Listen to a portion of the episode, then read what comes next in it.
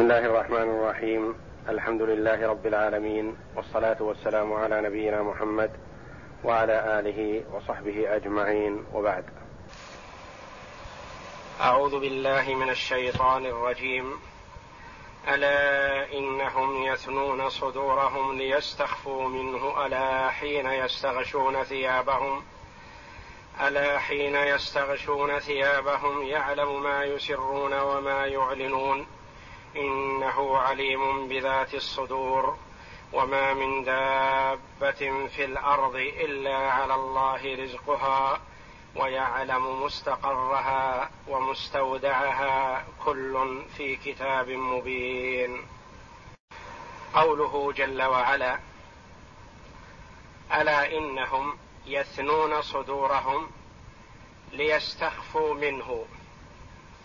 ألا حين يستغشون ثيابهم يعلم ما يسرون وما يعلنون إنه عليم بذات الصدور. هذه الآية الكريمة يصح أن تكون في المؤمنين وأن تكون في المنافقين وأن تكون في الكافرين. والكل رؤيا عن أئمة التفسير رضي الله عنهم ورحمهم.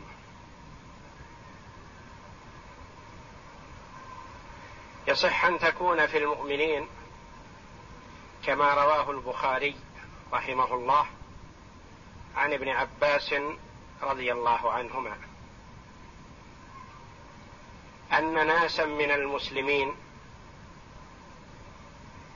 كانوا يستحيون أن يكشفوا عوراتهم فتظهر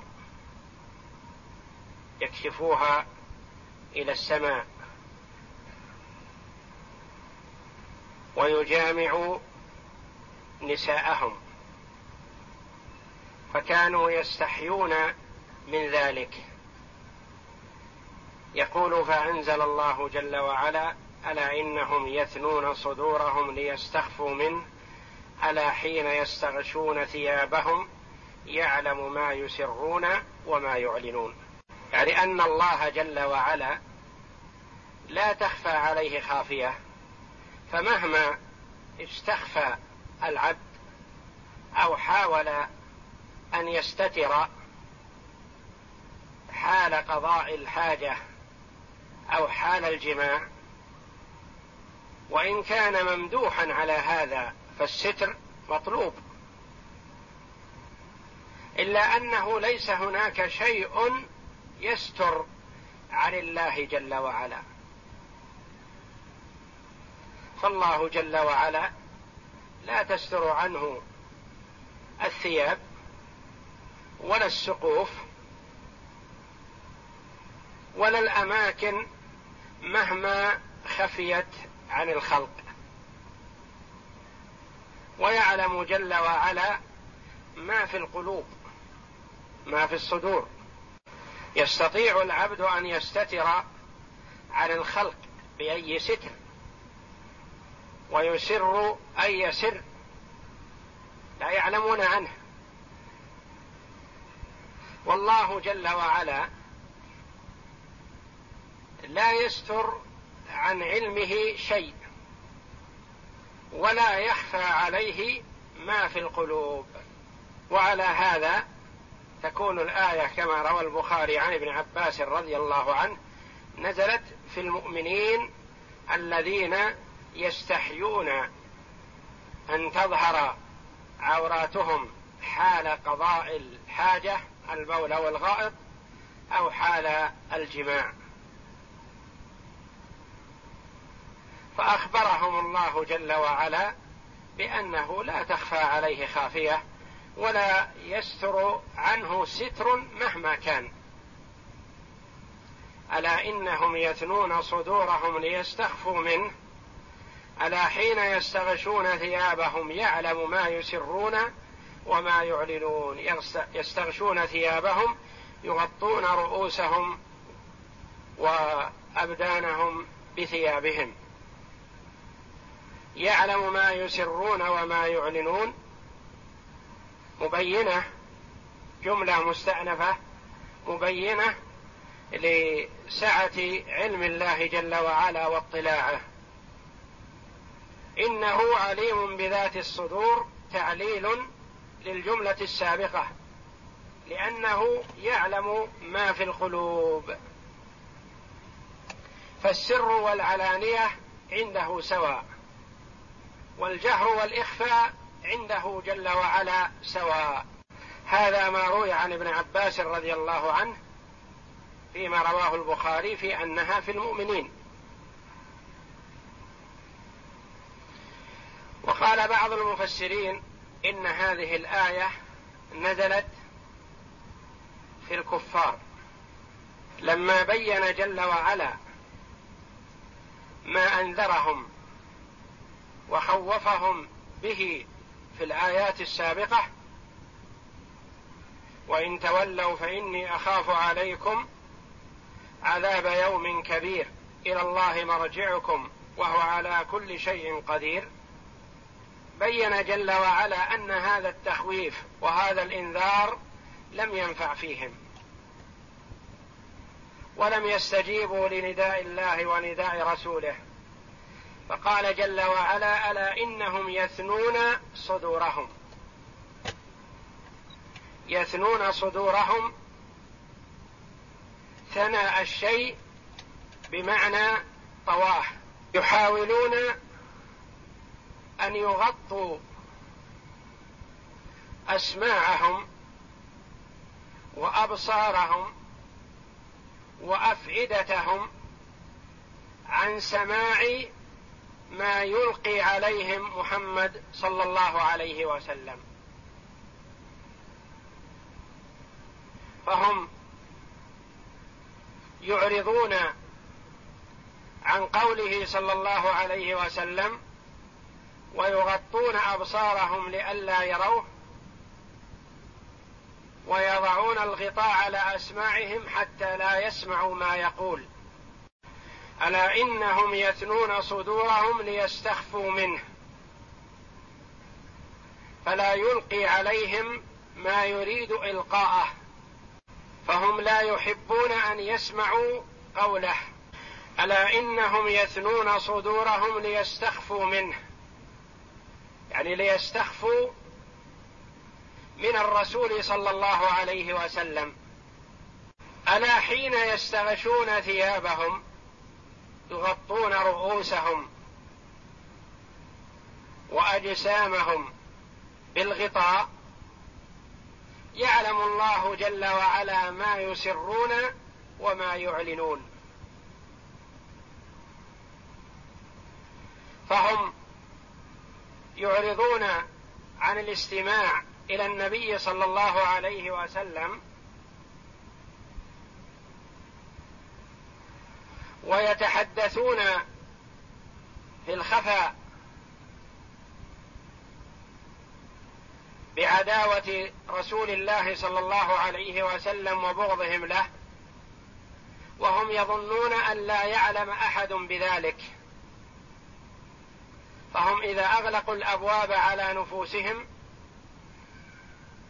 وأرخوا الستور وتغشوا تغطوا بالثياب ظنوا أنه لا يعلم أحد عنهم. إذا قالوا قولا في عداوة الرسول صلى الله عليه وسلم. فيقول الله جل وعلا ألا حين يستغشون ثيابهم يعلم ما يسرون وما يعلنون. مهما حاولوا الاستخفاء عن الرسول صلى الله عليه وسلم والكلام فيه وفي سبه وإظهار عداوته فالله جل وعلا يعلم ذلك ولا تخفى عليه خافية. فيكون هذا في الكفار الذين يعرضون عن الاستماع إلى محمد صلى الله عليه وسلم ويغطوا وجوههم ويضعوا الحواجز على آذانهم من أجل أن لا يسمعوا قوله صلى الله عليه وسلم. وقيل الآية في المنافقين. يثنون صدورهم يخفون فيها عداوة محمد صلى الله عليه وسلم وكانوا يظهرون له المحبة والمودة في الظاهر مع البشاشة. يقال إن فيه منافق في مكة كان يلقى النبي صلى الله عليه وسلم فيظهر له البشرى والمحبة. وإذا اختفى أظهر العداوة والكراهية للنبي صلى الله عليه وسلم. يثنون صدورهم يخفون ما في نفوسهم من العداوة والكراهية للرسول صلى الله عليه وسلم والله جل وعلا يعلم ذلك منهم. ألا إنهم يثنون صدورهم يغطون ما في صدورهم من الغل والحقد والكراهية للرسول صلى الله عليه وسلم ليستخفوا منه يعني من الرسول أو يستخفوا من الله. فلا يطلع رسوله والمؤمنين على ذلك. ليستخفوا منه. ألا حين يستغشون ثيابهم. يغطون أنفسهم في ثيابهم وعلى فرشهم يعلم جل وعلا ما يسرون وما يعلنون. فما أسروه وما أعلنوه سواء عند الله جل وعلا لأنه كما قال تعالى يعلم خائنة الأعين وما تخفي الصدور. يعلم ما يسرون وما يعلنون إنه عليم بذات الصدور. تعليل للجملة السابقة. يعلم ما يسرون وما يعلنون لأنه جل وعلا عليم بذات الصدور بمن طوت عليه القلوب والضمائر فلا تخفى عليه خافية. وهذا من بلاغة القرآن وإعجازه في أن يأتي اللفظ على سياق واحد صالح للاستدلال به على المدح في صفات المؤمنين وعلى الذم في صفات الكفار والمنافقين. ثم قال جل وعلا وما من دابة في الأرض إلا على الله رزقها. تأكيد لما تضمنته الآية السابقة من سعة علم الله جل وعلا وإحاطته بكل شيء. فما من دابة. كل ما دب على وجه الأرض يقال له دابة. آدمي حيوان أخرس دواب تمشي على أربع صغرت أم كبرت ترى بالعيون أم لا ترى إلا بالمكبر. كل هذه دواب تكفل الله جل وعلا برزقها. وما من دابة في الأرض إلا على الله رزقها. وعلى يؤتى بها أحيانا على دلاله على الوجوب. والله جل وعلا لا يجب عليه ذلك وإنما هو تفضل منه وإحسان على خلقه. خلق الخلق وتكفل بأرزاقهم تفضلا وإحسانا سبحانه وتعالى. وما من دابة في الأرض إلا على الله رزقها. كل يعطيه جل وعلا ما يكفيه وما يناسبه من القوت. فمهما خفيت هذه الدابة في الأرض فالله جل وعلا يسوق لها رزقها ويعطيها حقها على قدرها. قويت هذه الدابة أو ضعفت. وكل دابة تدب على وجه الأرض معلومة عند الله جل وعلا.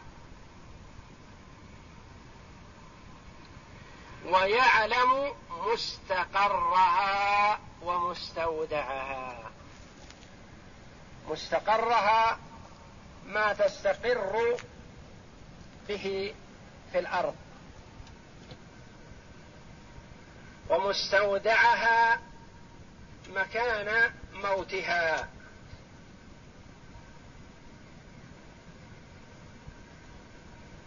ويعلم مستقرها مكانها في الأرض ومستودعها مكانها في الأصلاب والأرحام.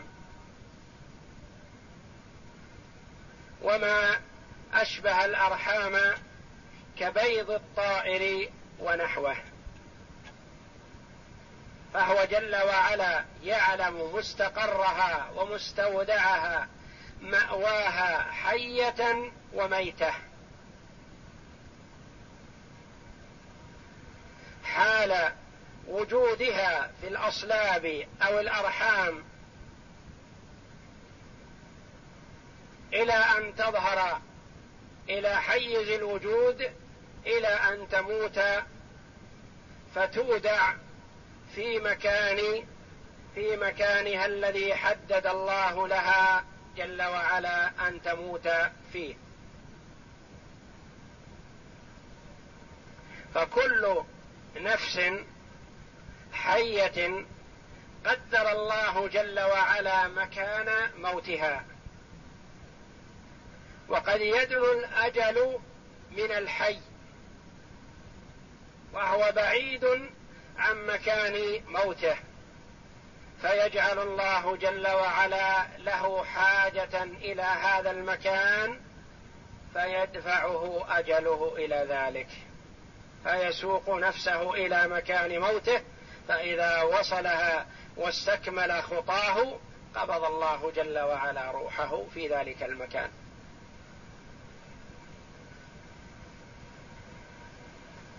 ثم تخرجه الأرض يوم القيامة فتقول هذا ما استودعتني.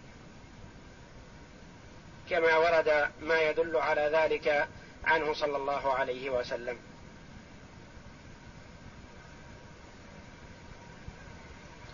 والآية الثانية تأكيد لما تضمنته الآية الأولى.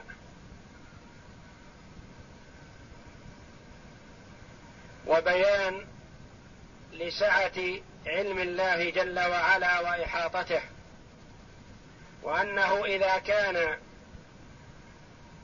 يسوق الرزق لأي نفس في أي مكان تفضلا منه وإحسان فلان يكون يعلم عملها وحالها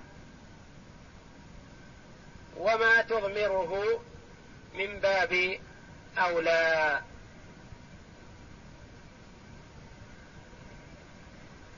وما من دابة في الأرض ما دب على وجه الأرض أيا كان نوع هذه الدابة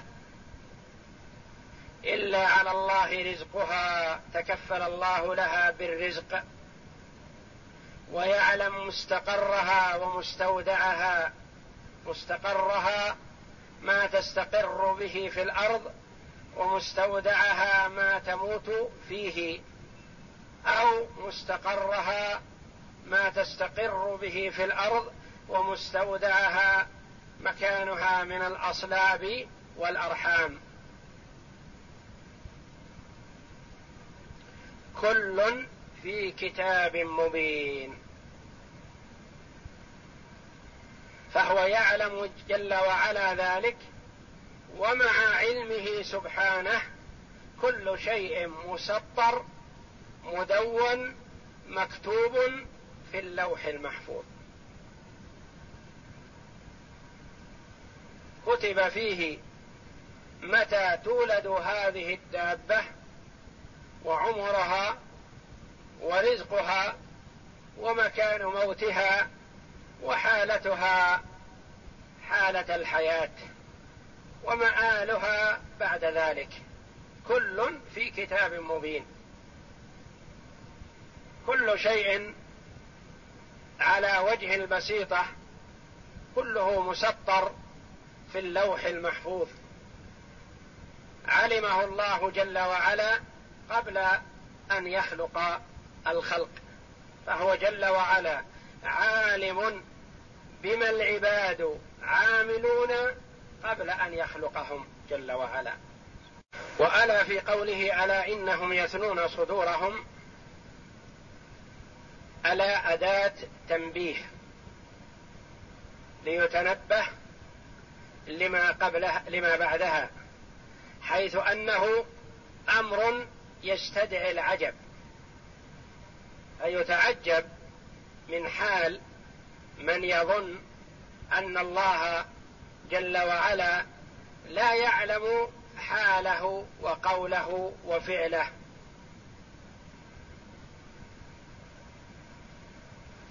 وكرر عادات التنبيه في قوله ألا حين يستغشون ثيابهم لبيان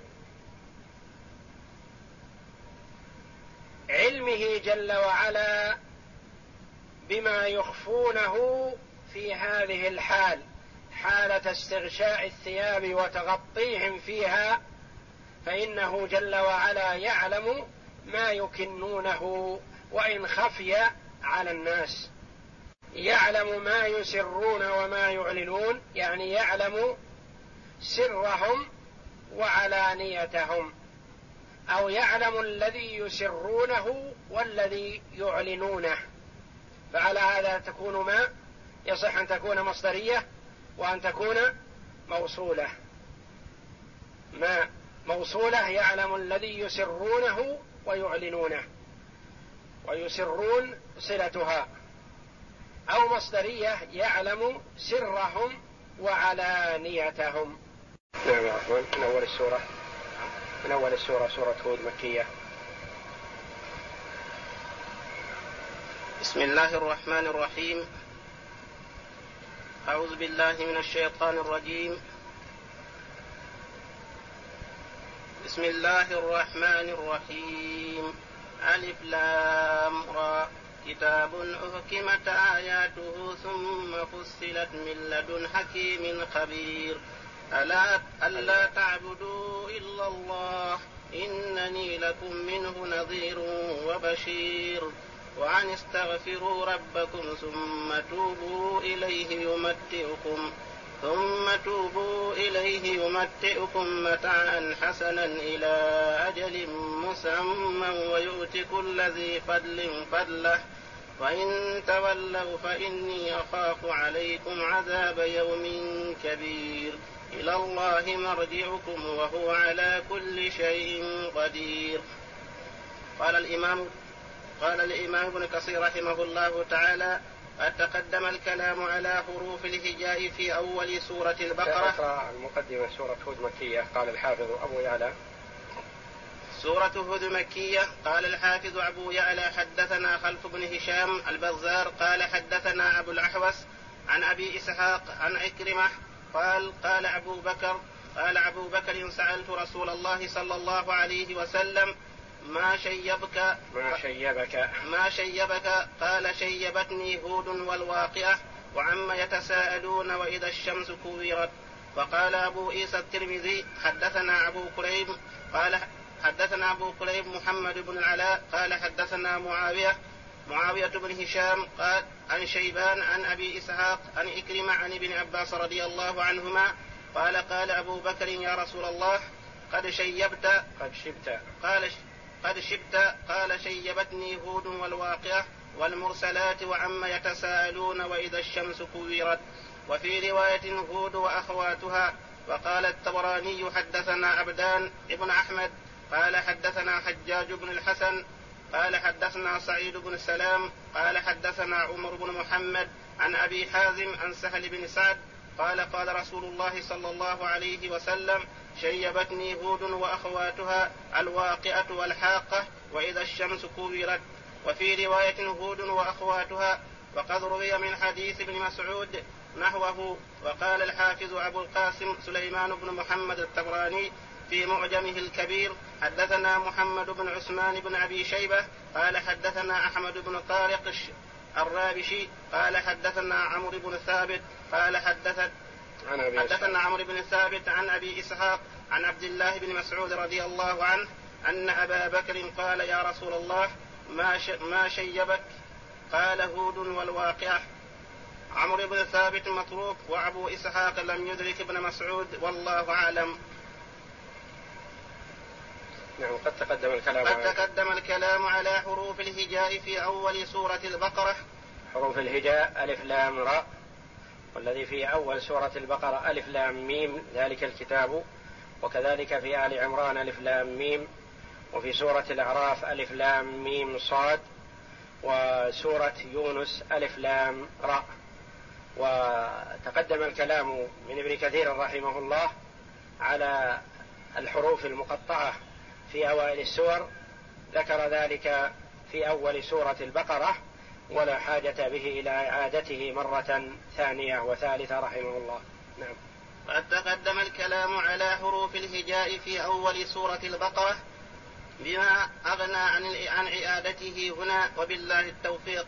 وأما قوله أحكمت آياته ثم فصلت أي هي محكمة في لفظها مفصلة في معناها فهو كامل كامل صورة ومعنى. هذا معنى ما رواه مجاهد وقتادة واختاره ابن جرير.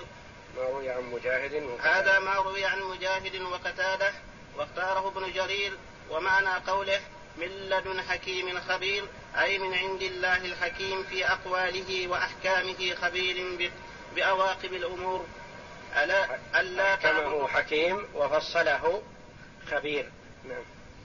ألا تعبدوا إلا الله أي نزل هذا القرآن المحكم المفصل لعبادة الله وحده لا شريك له؟ يعني نزل من أجل أن يأمر الناس بعبادة الله وحده. فالله جل وعلا أرسل الرسل وأنزل الكتب من أجل أن يأمر الناس بعبادة الله وحده. فمن أطاعهم دخل الجنة ومن عصاهم دخل النار. كقوله تعالى وما أرسلنا من قبلك من رسول إلا نوحي إليه أنه لا إله إلا أنا فاعبدون. فجميع الرسل من أولهم إلى آخرهم عليهم الصلاة والسلام كلهم يدعون الناس إلى عبادة الله وحده. والشرك محرم في جميع الأديان في أديان جميع الرسل والأنبياء صلوات الله وسلامه عليهم أجمعين. وقال ولقد بعثنا في كل أمة رسولا عن اعبدوا الله واجتنبوا الطاغوت وقوله إنني لكم منه نذير وبشير أي إني لكم نذير من عذاب إني, لك إني لكم نظير من العذاب إن خالفتموه وبشير بالثواب إن أطعتموه كما جاء في فهو منذر بعذاب من خالف وعصى أمر الله ومبشر بالثواب الجزيل لمن أطاع أمر الله. نعم. كما جاء في الحديث الصحيح أن رسول الله صلى الله عليه وسلم صعد السفا صعد السفا فدعا بطون قريش الأقرب ثم الأقرب. يعني دعاهم جميعا قبائلهم وأفخاذهم حتى اجتمعوا عنده عليه الصلاة والسلام. هذا في أول بعثته عليه الصلاة والسلام. صعد إلى جبل الصفا ودعا الناس فاجتمعوا حوله لأنهم يعرفون حالته صلى الله عليه وسلم وأنه صادق أمين لا يدعوهم إلا إلى شيء حق. بطون قريش الأقرب ثم الأقرب فاجتمعوا إليه فاجتمعوا فقال يا معشر قريش أرأيتم لو أخبرتكم أن خيلا سبحكم ألستم؟ سبحكم. أن خيلا تسبهكم ألستم مصدقين. فقالوا ما جربنا عليك كذبا. يقول لو أخبرتكم بخبر لا تعلمون عنه بأنه سيغير عليكم عدو في الصباح. هل تصدقونني؟ قالوا نعم ما جربنا عليك كذبا. فكانوا يسمونه الصادق الأمين. نعم. فقالوا ما جربنا عليك كذبا. قال فإني نذير لكم بين يدي عذاب شديد وقوله وأن استغفروا ربكم ثم توبوا إليه يمتعكم متاعا حسنا متاعا حسنا إلى أجل مسمى ويؤتي كل ذي فضل فضله. أي وآمركم بالاستغفار من الذنوب من الذنوب السالفة والتوبة منها إلى الله عز وجل فيما فيما تستقبلونه. يعني تستغفرون عن الذنوب السابقة وتتوبون إلى الله جل وعلا منها ومما يستقبل. فلا تقعون في الذنب. نعم. وأن تستمروا على ذلك يمتعكم متاعا حسنا. أي في يعطيكم على ذلك ثواب ثوابا في الدنيا وثوابا في الآخرة. من أطاع الله جل وعلا واتبع أمره وأخذ بسنة رسول الله صلى الله عليه وسلم أعطاه الله جل وعلا الثواب في الدنيا والآخرة. ثواب الدنيا في قوله يمتعكم متاعا حسنا إلى أجل مسمى إلى الموت. ثم في الآخرة يعطي جل وعلا كل ذي فضل فضله. ما يستحق من الثواب في الدار الآخرة. نعم. يمتعكم متاعا حسنا في الدنيا إلى أجل مسمى ويؤتي كل, ويؤتي كل ذي فضل فضله أي في الدار الآخرة. قاله قتادة كقوله من عمل صالحا من ذكر أو أنثى وهو مؤمن فلنحيينه حياة طيبة. هذا وعد من الله جل وعلا بأن من وفق للأعمال الصالحة يحيا حياة طيبة. نعم. وقد جاء في الصحيح أن رسول الله صلى الله عليه وسلم قال لسعد وإنك لن تنفق نفقة تبتغي بها وجه الله إلا أجرت بها حتى ما تجعل في في امرأتك يعني أن العبد يؤجر على جميع أعماله في الدنيا حتى الشيء الواجب عليه والمباحات. حتى اللقمة يضعها في في امرأته في فم المرأة يؤجر عليها. نعم. وقال ابن جرير هذا بالنسبة للمؤمن. يؤجر حتى على المباح. نعم. وقال ابن جرير حدثني المسيب بن شريك عن أبي بكر عن سعيد بن المسيب عن سعيد بن جبير عن ابن عباس عن ابن مسعود رضي الله عنه في قوله ويؤتي كل ذي فضل فضله قال من عمل سيئا من, من عمل سيئة كتبت عليه سيئة ومن عمل حسنة كتبت له عشر حسنات فإن أوقب بالسيئة التي كان عملها في الدنيا بقيت له عشر حسنات وإن لم يعاقب بها في الدنيا أخذ من من الحسنات العشر واحدة وبقيت له تسع حسنات. ثم يقول هلك من غلب آحاده على أعشاره. وذلك أن السيئة بواحدة.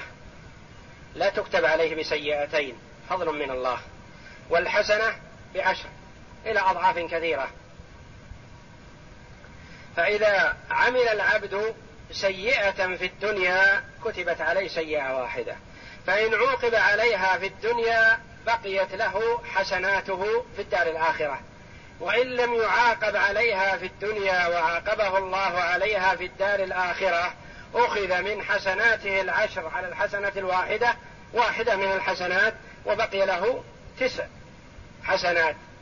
فيقول هلك من غلب آحاده أعشاره. يعني السيئات بواحدة والحسنات بعشر. فلا يهلك إلا الهالك الذي آحاده يعني سيئاته. وإن كانت كل سيئة بواحدة تغلب حسناته التي الحسنة بعشر أمثالها.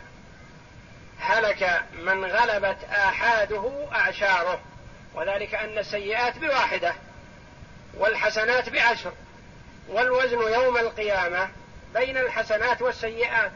فإذا كانت تعددت سيئاته وكثرت بحيث غلبت السيئات على كون كل سيئة بواحدة غلبت جميع الحسنات مع أن الحسنة بعشر حسنات فهذا هالك والعياذ بالله. نعم.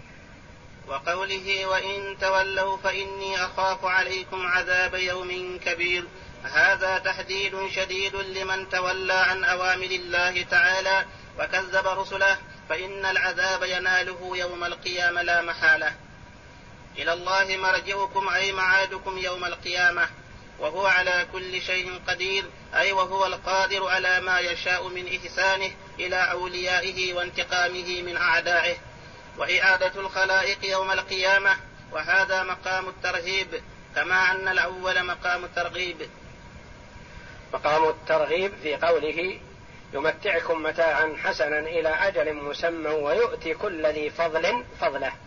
وعد من الله جل وعلا كريم لمن استغفر وتاب إليه من سيئاته أن الله جل وعلا يثيبه في الدنيا والآخرة. والوعيد في قوله جل وعلا وإن تولوا فإني أخاف عليكم عذاب يوم كبير. إذا أعرضتم ولم تقبلوا أمر الله وعصيتم رسله فيقع عليكم العذاب في يوم كبير عظيم ألا وهو يوم القيامة. نعم. ألا إنهم يثنون صدورهم ليستخفوا منه ألا حين يستغشون ثيابهم يعلم ما يسرون وما يعلنون؟ إنه عليم بذات الصدور. قال ابن عباس كانوا يكرهون أن يستقبلوا السماء بفروجهم وحال وقائهم فأنزل الله هذه الآية. روى البخاري من من طريق ابن جريج عن محمد بن عباد بن جعفر أن ابن عباس قرأ ألا إنهم تسنوني صدورهم. الآية. فقلت يا أبا العباس ما تسنوني صدورهم؟ قال الرجل كان يجامع امرأته فيستحيي أو يتخلى فيستحيي فنزلت ألا إنهم تسنوني صدورهم؟ وفي لفظ آخر له قال ابن عباس أناس كانوا يستحيون أن يتخلوا فيقضوا أن يتخلوا فيقضوا إلى السماء. أو يجامعوا نساءهم فيقضوا إلى السماء فنزل ذلك فيهم. ثم قال حدثنا الهميدي قال حدثنا سفيان قال حدثنا عمرو قال قرأ ابن عباس ألا إنهم تثنوني صدورهم ليستخفوا منه؟ ألا حين يستغشون ثيابهم؟ قال البخاري وقال غيره قال البخاري وقال غيره عن ابن عباس يستغشون أي يغطون يغطون, يغطون رؤوسهم. وقال ابن عباس في رواية أخرى في تفسير هذه الآية يعني به الشك في الله وعمل السيئات وعمل السيئات. وكذا روي عن مجاهد والحسن وغيرهم أي أنهم كانوا يسنون صدورهم إذا قالوا شيئا أو عملوه فيظنون أنهم يستخفون من الله بذلك. فأخبرهم الله تعالى أنهم حين يستغشون ثيابهم عند منامهم في ظلمة الليل يعلم ما يسرون من القول وما يعلنون إنه عليم بذات الصدور أي يعلم ما تكن صدورهم من النيات والضمائر والسرائر. وهذا في المنافقين. هذه الرواية الأخرى نعم. وما أحسن ما قاله زهير بن أبي سلمى سلمى. زهير بن سلمى, بن أبي سلمى في معلقته المشهورة فلا تكتمن الله ما في صدوركم فلا تكتمن. فلا تكتمن الله ما في صدوركم ليخفى ومهما يكتم الله يعلم. يكتم الله يعلم. ومهما يعني نعم. يكتم الله يعلم يؤخر فيوضع يؤخر فيوضع في كتاب فيدخر ليوم حساب. يؤخر فيوضع في كتاب فيدخر ليوم حساب أو يعجل فينقمي. فقد فقد اعترف هذا الشاعر الجاهلي بوجود الصانع وعلمه بالجزئيات وبالمعاد وبالمعاد وبالجزاء وبكتابة الأعمال في الصحف ليوم القيامة. وقال عبد الله بن شداد كان أحدهم إذا مر برسول الله صلى الله عليه وسلم سنى عنه صدره وغتى رأسه فأنزل الله ذلك. وعود الضمير يعني هذا في الكفار. نعم. وعود الضمير إلى الله أولى لقوله ألا حين يستغشون ثيابهم يعلم ما يسرون وما يعلنون. وقرأ ابن عباس ألا إنهم تسنوني صدورهم برفع الصدور على الفاعلية وهو قريب المعنى وما من دابة في الأرض إلا على الله رزقها ويعلم مستقرها ومستودعها. كل في كتاب مبين.